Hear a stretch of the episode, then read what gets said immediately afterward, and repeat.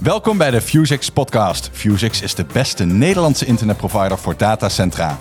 In deze aflevering gaan we het hebben over pering en transit. Als internetprovider ben je als een spin in het wereldwijde web. Je spant je garen zorgvuldig en kiest altijd de beste route van A naar Z. Maar niet elke draadje is gelijk in het web. Nee, nee, er zijn grote verschillen in kwaliteit, in kosten, maar ook in de partijen waar je mee samenwerkt. Niet alle verbindingen zijn gelijkwaardig. We gaan je laten merken dat pering en transit minder vanzelfsprekend zijn dan je misschien zelf denkt. Want internet is voor iedereen belangrijker dan ooit, maar de techniek die nodig is om het altijd draaiende te houden wordt steeds ingewikkelder. Laten we pering en transit simpel maken.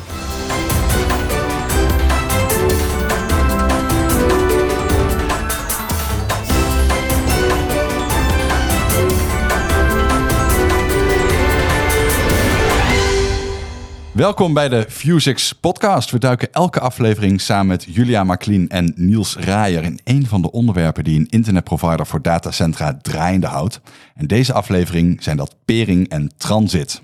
Maar eerst, Julia, pering en transit klinken een beetje als onderwerpen die vooral zich afspelen aan de achterdeur van het bedrijf, waar klanten helemaal niks mee te maken zouden moeten hebben. Ja, toch is het voor iedereen eh, heel belangrijk dat het goed op orde is. Waarom denk je dat deze aflevering zo belangrijk is? Nou, als je uh, gebruiker van internet bent, uh, dan inderdaad, het, het, maakt niet zoveel uit voor jou peering of transit. Je sluit bij een internetprovider aan en die zorgt dat je juiste, snelle, goede routes hebt naar overal in de wereld. Dus als gebruiker van internet heb je IP-transit nodig. Want de definitie van IP-transit je kunt hele internet bereiken en van het hele internet kan iedereen jouw netwerk ook bereiken. Wat internetprovider voor je doet, is zoals we zeggen, beste routes leveren. En dat betekent dat ze het verkeer zo snel mogelijk gaat naar waar het naartoe moet. Zo snel mogelijk, dat is één eigenschap van kwaliteit. Maar het andere is stabiele route. Dus als er routes zijn, dus als een snelweg open is, dan rij je alle stroken van, de, van die snelweg. En al het verkeer gaat die weg volgen. Als de weg iets daar gebeurt op, op die weg, dan moet het verkeer zo snel mogelijk schakelen en andere route vinden. En dat, dat gebeurt natuurlijk in millisecondes, maar alsnog het neemt een beetje, een klein beetje tijd in beslag, dat andere route vinden. Dus wat internetprovider doet, is altijd andere route kunnen vinden. Maar omdat het alsnog een beetje tijd kost, kan het groot invloed hebben op verkeer dat video- of audioprotocollen gebruikt. Want dan gaat videobeeld of gesprek een beetje gapperen. Dus korte en stabiele route zijn twee belangrijke eigenschappen van kwaliteit van je internetverbinding. En IP-transit en peering zijn allebei nodig om deze twee bij elkaar te brengen. En Niels, ik ken je wat langer dan vandaag en het klinkt als iets wat elke provider gewoon goed op orde zou moeten hebben. Het is voor iedereen belangrijk dat je uh, pering en transit uh, gewoon in de haak is. Toch voel ik een beetje aan dat Fusix dit misschien wel anders doet dan andere providers. Wij doen het anders dan andere providers. Oh, daar Kijk, was ik al bang uh, voor. Ja. uh, om te beginnen, inderdaad, ja, je moet dit natuurlijk op orde hebben. Als je internetprovider bent, dan lever je een verbinding naar het internet. Nou, als je, als je dat in de basis bekijkt, dan zou dat dus uh, voldoende zijn als je gewoon transit zou kopen. En transit, zoals Julia ook al een beetje uitlegde, dat betekent dat jij toegang krijgt tot het hele internet en dat het hele internet toegang krijgt tot jou. En doorgaans koop je dus transit bij een bepaalde provider en daar betaal je dan voor. Nou is het zo dat uh, heel veel verkeer dat daadwerkelijk wordt uitgewisseld, dat blijft eigenlijk lokaal. Als jij hier in Nederland woont, dan is het heel waarschijnlijk dat jij naar allerlei Nederlandse websites gaat. Dus daar komt het idee van peering eigenlijk vandaan. Je zou kunnen, uh, heel makkelijk kunnen bedenken dat allerlei Nederlandse providers met elkaar een wat meer directe route zouden moeten opzetten, zodat verkeer dat binnen Nederland kan blijven, ook binnen Nederland blijft. Nou, en dat is peering. nou, je merkt, we zijn eigenlijk per ongeluk al aan het uitleggen wat uh, peering en transit precies inhouden. Maar ik dacht, laten we traditiegetrouw eerst eens aan een klant vragen wat het voor hen eigenlijk betekent.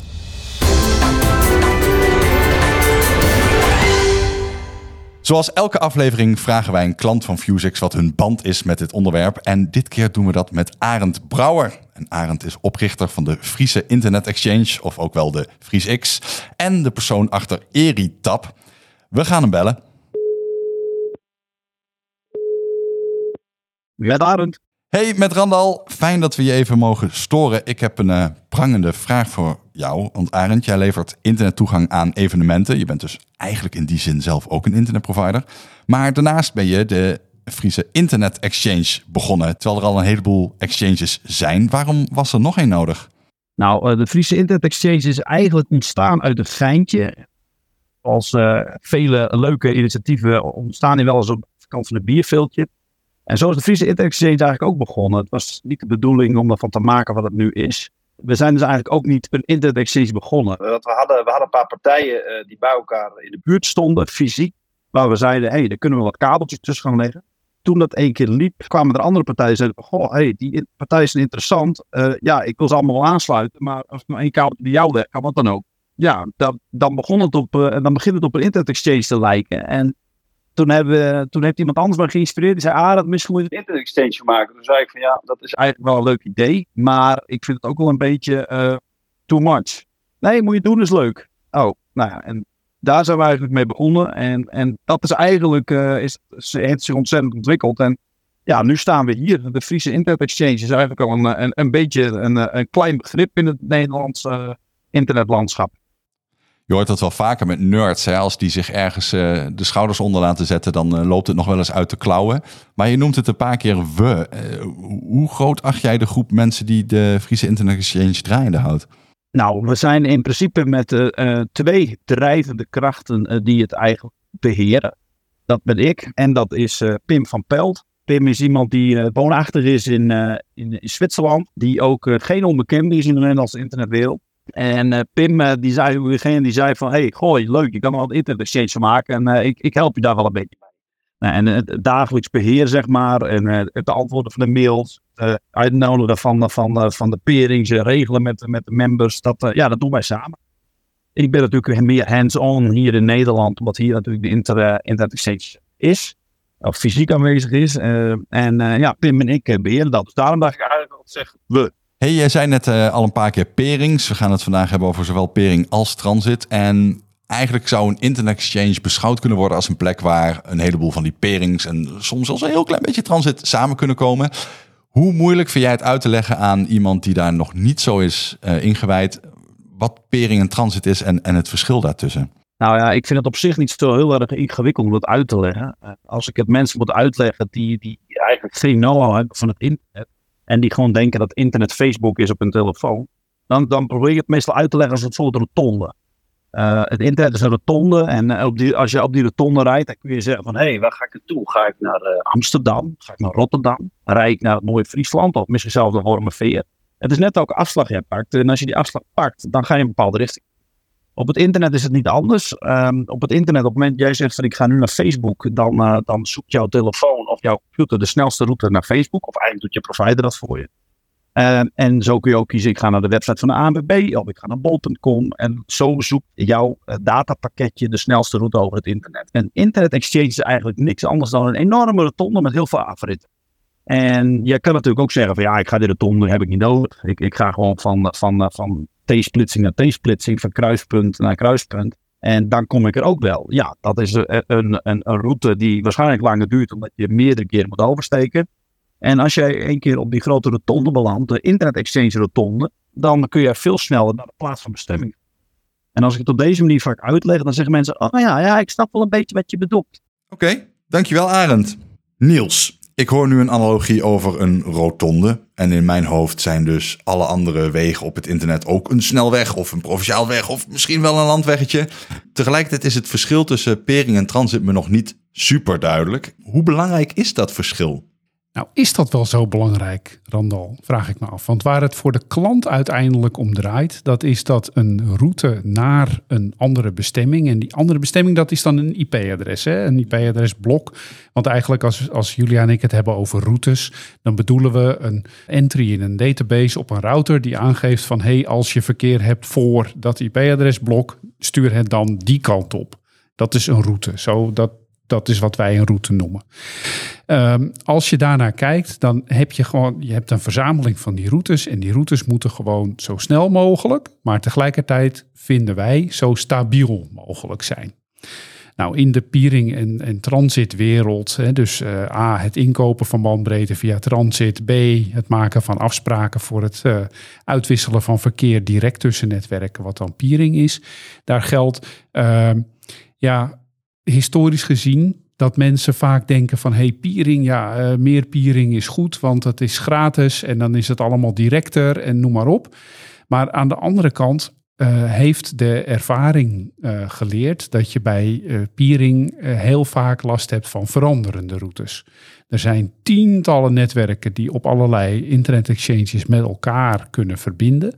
En die zorgen er dan niet altijd voor dat alles helemaal hetzelfde blijft. Dat is lastig. Dus in het, uh, ja, de analogie van Arend met die uh, rotonde. Het uh, verkeer naar uh, Wormerveer gaat de ene keer de ene afrit af en de andere keer de andere afrit af. En je kunt niet van tevoren voorspellen welke afrit die neemt. En het zou ook wel eens kunnen zijn dat de afrit die die neemt eigenlijk vaststaat omdat er een file staat. En het wordt toch nog via die afrit afgehandeld dan het verkeer naar Wormerveer. Nou, daarom zijn wij als Fusix vrij um, strikt in wat we eigenlijk precies doen met de peering en de transit. En de transit, dat is ook bij ons een product dat we inkopen van anderen. Dus wij zijn aangesloten op andere netwerken die aan ons transit verkopen. Nou, alle routes, hè, routes, die entries in die router, alle bestemmingen op het internet van al die transit providers, die voegen wij samen. En daarnaast hebben we met andere providers ook afspraken om direct verkeer uit te wisselen via peering. Alleen zijn wij bij Fusix niet zo dat we dan zeggen, nou uh, leuk, we zitten nu op die internet exchange, uh, jongens, we pieren met iedereen. Nee, we willen graag uh, weten met wie we zo'n directe verkeerssessie, uitwisselsessie opzetten. Om ervoor te zorgen dat we die mensen kennen. Dat we zeker weten dat uh, het stabiel blijft. En dat we ook een telefoonnummer hebben dat we 24 keer 7 kunnen bellen. Als er iets met dat verkeer aan de hand zou zijn. Nou, dat zijn dingen die wij anders doen bij Fusix dan andere netwerken. Julia, als ik nog even terugpak op de analogie met de rotonde. Uh, ik kan Pering nog wel voor me zien als een rotonde, maar dan zou transit bijna een snelweg moeten zijn met een groot bord erboven, alle bestemmingen. Hoe, hoe zou jij dit uitleggen? Hoe verhoudt zich dit tot elkaar? Ik zou zeggen dat uh, grote rotonde, dat is IP-transit. En wanneer je met IP-transit providers werkt. Dus je, je hebt inderdaad, zoals Arend zegt, een heel grote rotonde. Daar rijdt alles en je kiest grote bestemmingen. En daar vandaan, later, als je van de rotonde al af bent, komt een snelweg en je, je, je kunt juist de afslag nemen om naar kleiner netwerk te gaan. Terwijl peering is oorspronkelijk ontstaan als lokaal exchange van verkeer tussen netwerken die lokaal fysiek aanwezig zijn. En dat is meer zoals provinciale wegen, die niet zo'n uh, directe lijnen hebben zoals een snelweg, maar je kunt, als je lokaal blijft, je kunt van één klein dorpje naar een ander klein dorpje veel sneller gaan. Mm-hmm. Als je zo'n directe kleine weg neemt, dan dat je naar snelweg gaat en daar vandaan dat klein dorpje uh, wilt bereiken. Dus er zijn situaties waar peering obviously voordelen heeft. Als je van klein naar klein gaat, of middelgroot naar middelgroot. Maar vooral dat beide netwerken fysiek, lokaal op dezelfde plaats aanwezig zijn. En als je hele internet moet kunnen bereiken, en dat, dat heb je wel nodig als je jouw applicatie op het internet beschikbaar maakt, dan zou je met IP-transit willen werken, zodat je via grote snelwegen die landen met elkaar verbinden, echt alles kan bereiken. Ook heel verre landen. Ja, nu zijn partijen die op internet zijn aangesloten natuurlijk vaak aanwezig op uh, datacentra of internet exchanges. En ik zie het nu voor me dat als die dan verbinding met elkaar zoeken, een pering aan willen gaan, er heel veel kabels eigenlijk tussen al die partijen inhangen. Van de ene switch naar de andere, de ene router naar de volgende. Is dat ook altijd zo?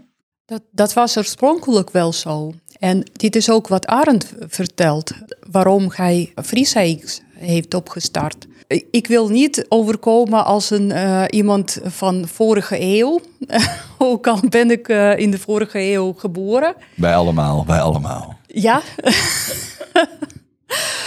uh, maar ik, ik, ik, zou willen dat het zo altijd was gebleven. Dat Piering altijd een lokaal verkeer was gebleven. Maar het is niet zo in de tijden van nu. En wat ik hiermee bedoel is dat inderdaad, peering is oorspronkelijk is een kabeltje tussen twee netwerken die redelijk dicht bij elkaar in een datacenter zitten.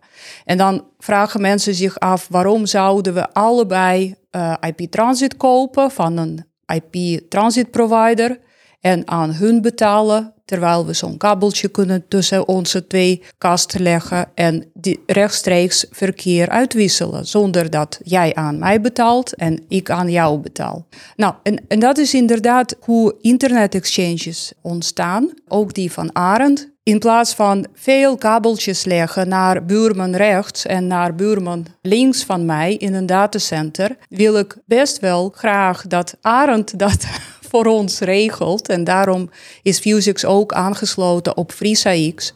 Dat we één kabeltje naar Arend laten leggen en dan op die switch. Want wat is Internet Exchange? Het is uh, simpel gezegd een heel groot switch waar iedereen een poort op heeft en verkeer via die switch laat lopen. En dan, dan hebben we een Internet Exchange. En zodra dat allemaal groeit en gemarket wordt, dan denkt men, ja, inderdaad, zo, zo gaat verkeer en goedkoop en rechtstreeks van mij naar het netwerk van, van iemand die zijn kast naast me heeft in een datacenter. Niels, Julia omschrijft een internet exchange eigenlijk als een soort hele grote switch, maar dat zal vast niet één hele grote switch zijn. Hoe ziet een internet exchange er eigenlijk uit als ik daar binnen zou lopen?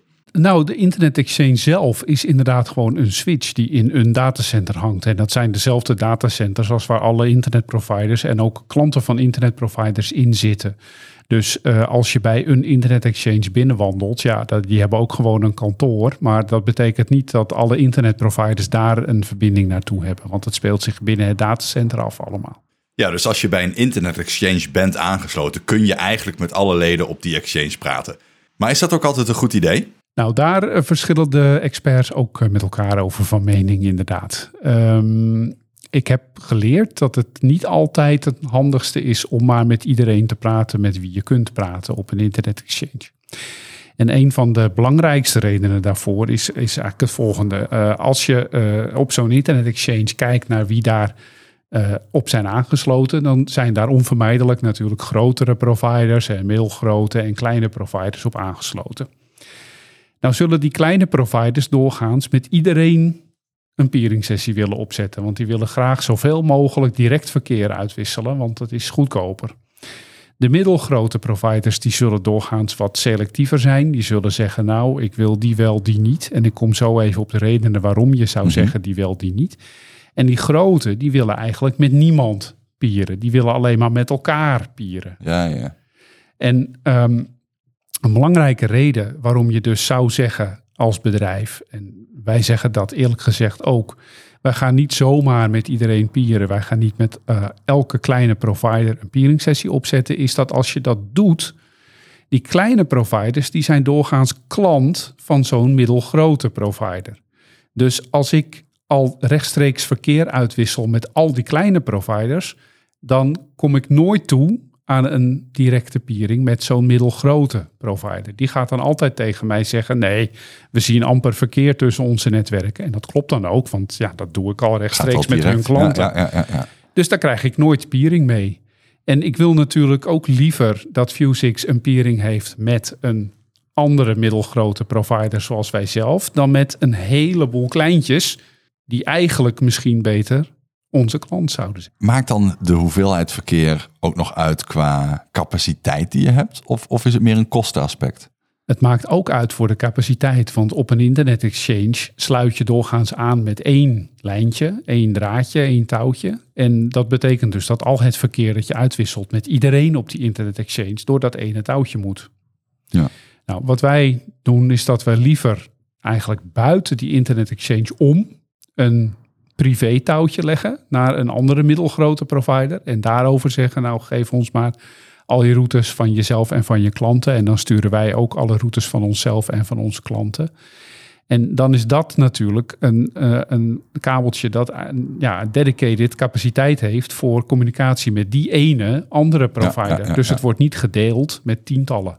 Heeft dat nog een naam? Ja, wat ik omschrijf met dat, uh, met dat draadje, dat, dat heet private peering. En de tegenhanger daarvan, dus aansluiten op een switch op een internet exchange, dat heet public peering. Oké, okay, we hebben het over verschillende soorten pering gehad. Zijn er nog vormen van pering denkbaar die we hebben overgeslagen? nou, ik, ik denk uh, peering tussen tier 1 netwerken. Uh, ah, dus dat zijn IP transit providers, uh, tier 1's. en het, het, is een gesloten club mensen, nou, bedrijven. En die pieren alleen onderling en niet op een internet exchange, nooit eigenlijk.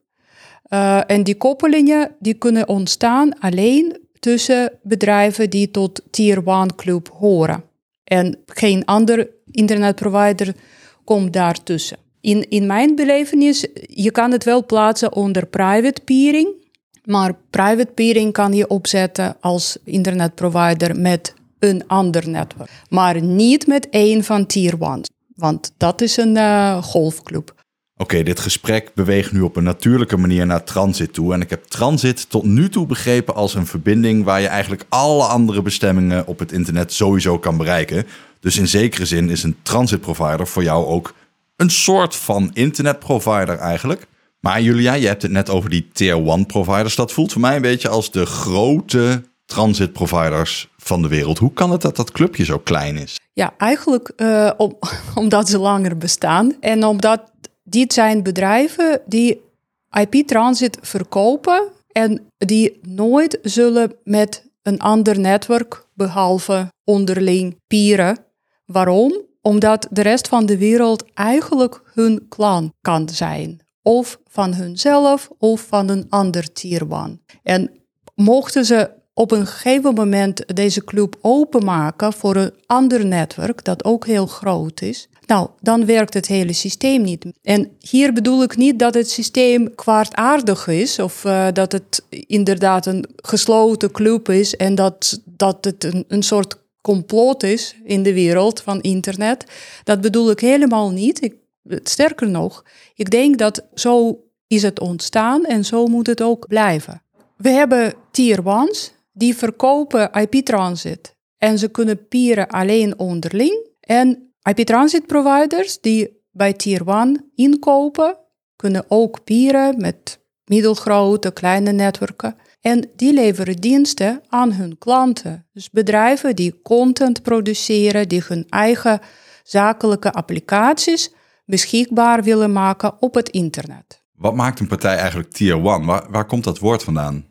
Dat woord komt gewoon eigenlijk van vroeger. Uh, vroeger waren de Tier 1 providers tussen aanhalingstekens de backbone van het internet. En iedereen moest op een tier 1 provider aansluiten om überhaupt met het uh, internet verbonden te zijn. En ja, daar komt die terminologie vandaan. Het is alsof je daar, ja, alsof dat echt aan de bovenkant staat. Mm -hmm. Nou ja, kijk, een provider als Fusix, die zou je tier 2 kunnen noemen. Omdat wij dus aansluiten op meerdere tier 1's, maar daarnaast ook op meerdere andere partijen die gelijk zijn aan Fusix. En ja, zo is die terminologie een beetje ontstaan. Uh, ik vind het zelf eerlijk gezegd uh, vooral een, een marketingterm. Uh, als je op de Wikipedia-pagina kijkt over Tier 1 providers, dan zul je zien dat die ook heel geregeld wordt gewijzigd door bedrijven die van zichzelf vinden dat ze ook Tier 1 zijn. Maar het is eigenlijk een heel klein clubje. En het clubje, en in de aanvulling uh, of verduidelijking van wat Julia zei, um, dit zijn dus netwerken die nergens transit inkopen. Die dus niet betalen voor hun bandbreedte. Dan denk je, god, dat is uh, gemeen. Die hoeven niet te betalen voor uh, de bandbreedte die ze gebruiken, maar ze verkopen het wel aan mensen. Ja, dat klinkt gemeen, ja. Ja, ja. ja maar goed, deze partijen moeten dus wel allerlei transatlantische links en zeekabels en uh, allemaal moeilijke dingen doen om, om hun netwerk überhaupt draaiend te houden. Dus het valt wel mee met dat gemeen. En het is toch niet zo dat, ze, dat zij iets gratis krijgen, dat ze dan uh, voor geld aan anderen verkopen. Dus uh, zo boosaardig zijn die tier ones nou ook weer niet. Oké, we hebben nu pering uitgelegd, dus een verbinding direct naar een andere partij. We hebben ook transit beschouwd, eigenlijk een pijp voor alle bestemmingen op het internet. Er is zelfs een clubje tier 1 providers die onderling een soort van het knooppunt van het internet vormen. Maar we hebben het nog niet gehad over de mix, hoe je dit allemaal samenbrengt en welke keuzes je daarbij maakt. Niels, ik heb wel eens iemand horen zeggen, en volgens mij is dat een oude gedachte, pering is altijd beter dan transit. Ja, vroeger eh, werd dat inderdaad zo, eh, zo gedacht. En ik kan ook nog wel verhalen vertellen van providers waar ik in het begin van mijn carrière werkte. Uh, nou, die waren echt helemaal ten dode opgeschreven als er iets aan de hand was met de hele grote internet exchange waar ze op aangesloten waren. Want daar hadden ze veel meer capaciteit dan dat er überhaupt was aan transit, dus naar de rest van het internet.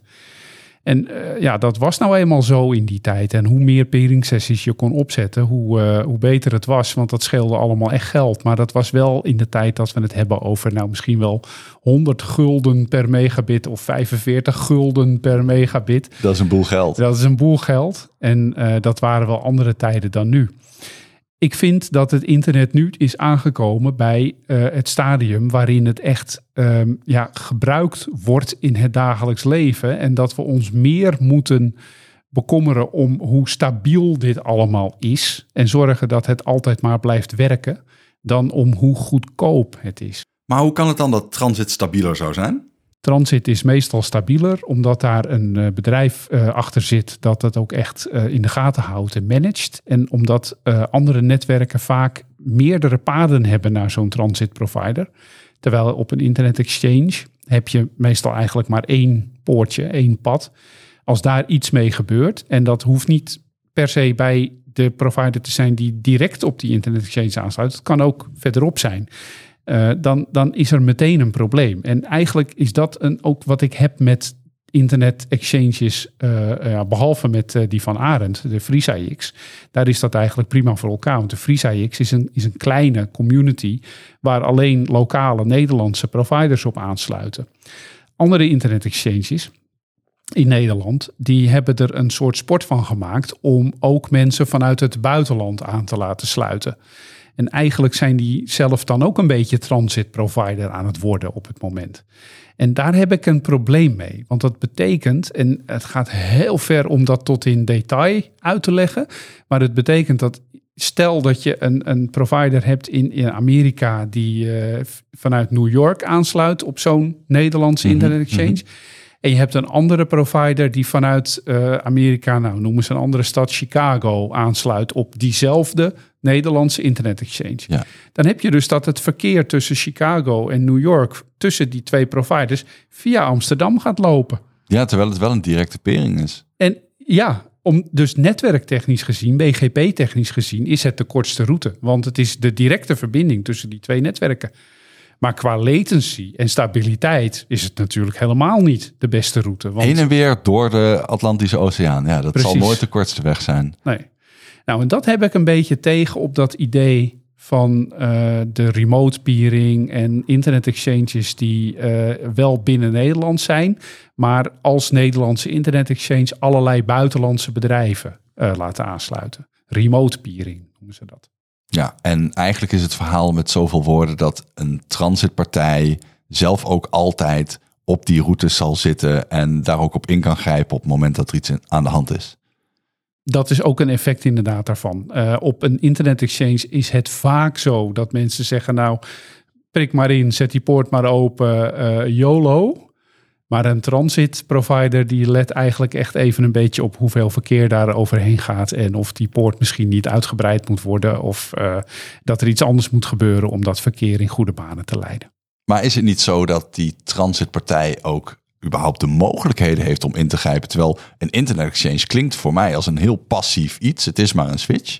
Die bemoeit zich niet met wat er overheen gaat. klopt ook wel, ja. Je hebt uh, inderdaad uh, internet exchanges die heel hard roepen dat ze helemaal neutraal zijn. Dat het hun niet uitmaakt wat voor verkeer je uitwisselt over de exchange. En dan moet je even nadenken. Dat kan dus ook betekenen dat je DDoS-attacks uitwisselt via de Internet Exchange. Hmm, gezellig. En wat doe je daar dan aan? Want in de eerste plaats, en ook dit is een technisch verhaal dat eigenlijk heel ver gaat, maar in de eerste plaats is het heel moeilijk om uit te vissen waar die DDoS precies vandaan komt. Als je die zomaar binnenkrijgt op jouw Internet Exchange poort, daar moet je echt wel even wat voor, uh, wat voor doen. En in de tweede plaats is het heel lastig om daar iets aan te doen. Want je hebt niet met iedereen die op die internet exchange zit een afspraak om het uh, verkeer dat die, van die DDoS, om dat ook echt te filteren of, of te blackholen, zodat je het überhaupt niet krijgt. En uh, ook dat is iets uh, waarom uh, wij bij Fusix wat minder geneigd zijn om met zoveel mogelijk partijen maar peering op te zetten. Ook al zou je denken dat het kostentechnisch en latency technisch beter zou zijn. Je zet als Fusix niet zomaar peering op met andere providers, maar het klinkt alsof je wel meer anders doet dan andere providers. Wat Fusix namelijk doet anders dan de anderen. We kopen een klein beetje bandbreedte bij tier 1 providers. En dat betekent dat we met alle tier 1 providers rechtstreeks verbonden zijn. Dus de routes naar hun zijn het kortste. We gaan niet via één tier 1 naar netwerk van ander tier 1. Nee, we zijn verbonden met allebei. Natuurlijk moeten we dan aan iedereen betalen dus de, de kosten gaan, uh, zijn minder belangrijk dan de directe verbindingen met die tier 1 netwerken. En op het gebied van peering, we hebben selective peering policy op internet exchanges. En we geven voorkeur aan private peering tegenover public. Dus we leggen liever een kabeltje naar een ander netwerk en hebben dedicated capaciteit voor het uitwisselen van verkeer met dat netwerk dan dat we uh, public peering doen met één kabel naar iedereen met wie we dan selectief op een internet exchange peeren. En als we dan uh, in de mailbox kijken voor, uh, voor peering aanvragen, want ja, we zitten wel op een aantal internet exchanges en dan krijg je dus e-mails van andere partijen die zeggen wij willen graag een peering sessie met jullie opzetten dan kijken wij gewoon van ja, wat, wat is ons beleid voor deze partij? We hebben een peering policy. Daar, eh, ja, nou goed, we hebben hem niet echt helemaal uitgeschreven, maar het is gewoon case by case kijken. Is dit nou eigenlijk wel slim? Want als wij bijvoorbeeld een peeringverzoek binnenkrijgen van een netwerk dat klant is van een bestaande klant van ons, dan is het natuurlijk niet slim om daar peering mee op te zetten, want dan gaat het rechtstreeks af van wat we verdienen aan die bestaande klant. Als het uh, een peering uh, aanvraag is van een bedrijf uh, dat klant is van iemand met wie wij wel graag zouden willen pieren, maar niet voor elkaar hebben gekregen nog, dan is het ook niet handig om daar peering mee op te zetten, omdat we dan nooit aan die hoeveelheid verkeer komen die die andere partij van ons vraagt om een peering sessie mee op te zetten. Nou, dat zijn een paar voorbeelden uit een peering policy, zoals je die als internetprovider hebt. En die dan omschrijven waarom je niet zomaar met iedereen een peering zou opzetten. Ja, dus er is een bepaalde verhouding tussen uh, kwaliteit en stabiliteit. Maar er is ook een stukje marktwerking slash uh, bijna uh, politiek. Zo van, hoe gaan we dit onderling met elkaar regelen? Exact. Ja, een ander voorbeeld daarvan is ook dat sommige partijen in hun peering policy hebben staan. Dat als je ooit, ooit transit bij ze gekocht hebt, dat je nooit, nooit meer met ze zult pieren. Klinkt heel streng.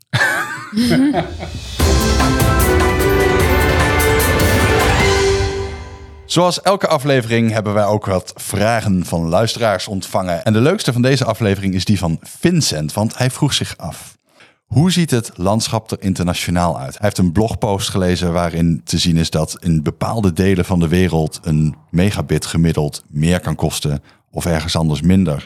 En dat er ook een bepaalde verhouding kan zijn hoeveel pering er is ten opzichte van transit. Hoe staan we er in Nederland eigenlijk voor? Ik denk dat we heel goed staan in Nederland. Uh, in Nederland uh, kost uh, megabit per seconde, dus bandbreedte, het minst.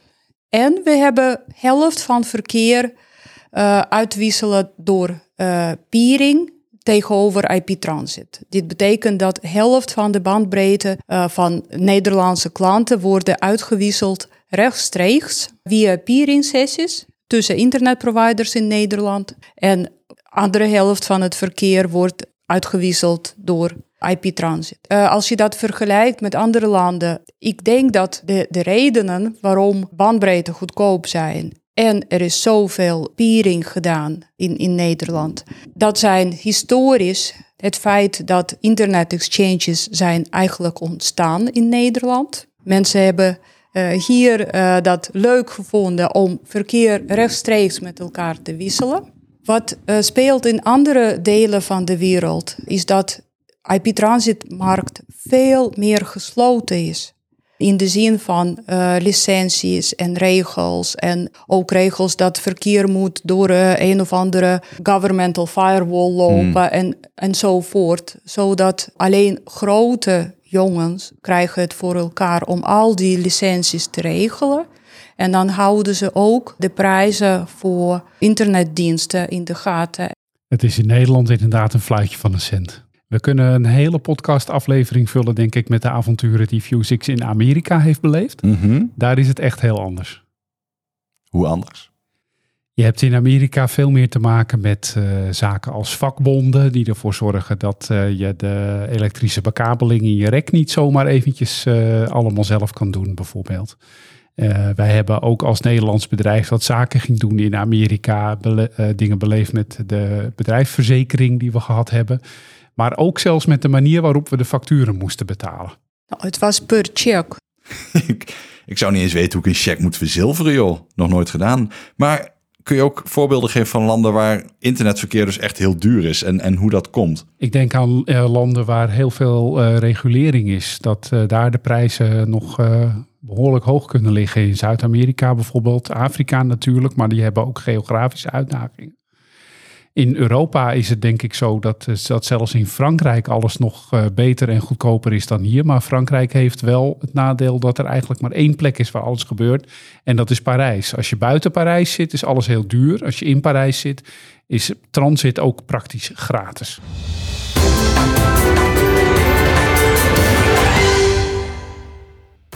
Dat was hem alweer, deze aflevering van de Fusix podcast. Ik hoop dat jullie net zoveel geleerd hebben als ik. In de volgende aflevering gaan we het hebben over software upgrades, oftewel het versiebeheer van alles wat er in je netwerk staat te draaien. Deze podcast wordt gemaakt door Fusix. Je hoorde Niels Rijer, Julia Maklien en mij, Randal Pelen. Deze podcast werd geproduceerd door YOLO Media. Heb jij vragen voor de volgende aflevering over software upgrades? Mail ze dan naar podcast.fusix.nl en misschien hoor je het antwoord in de volgende aflevering.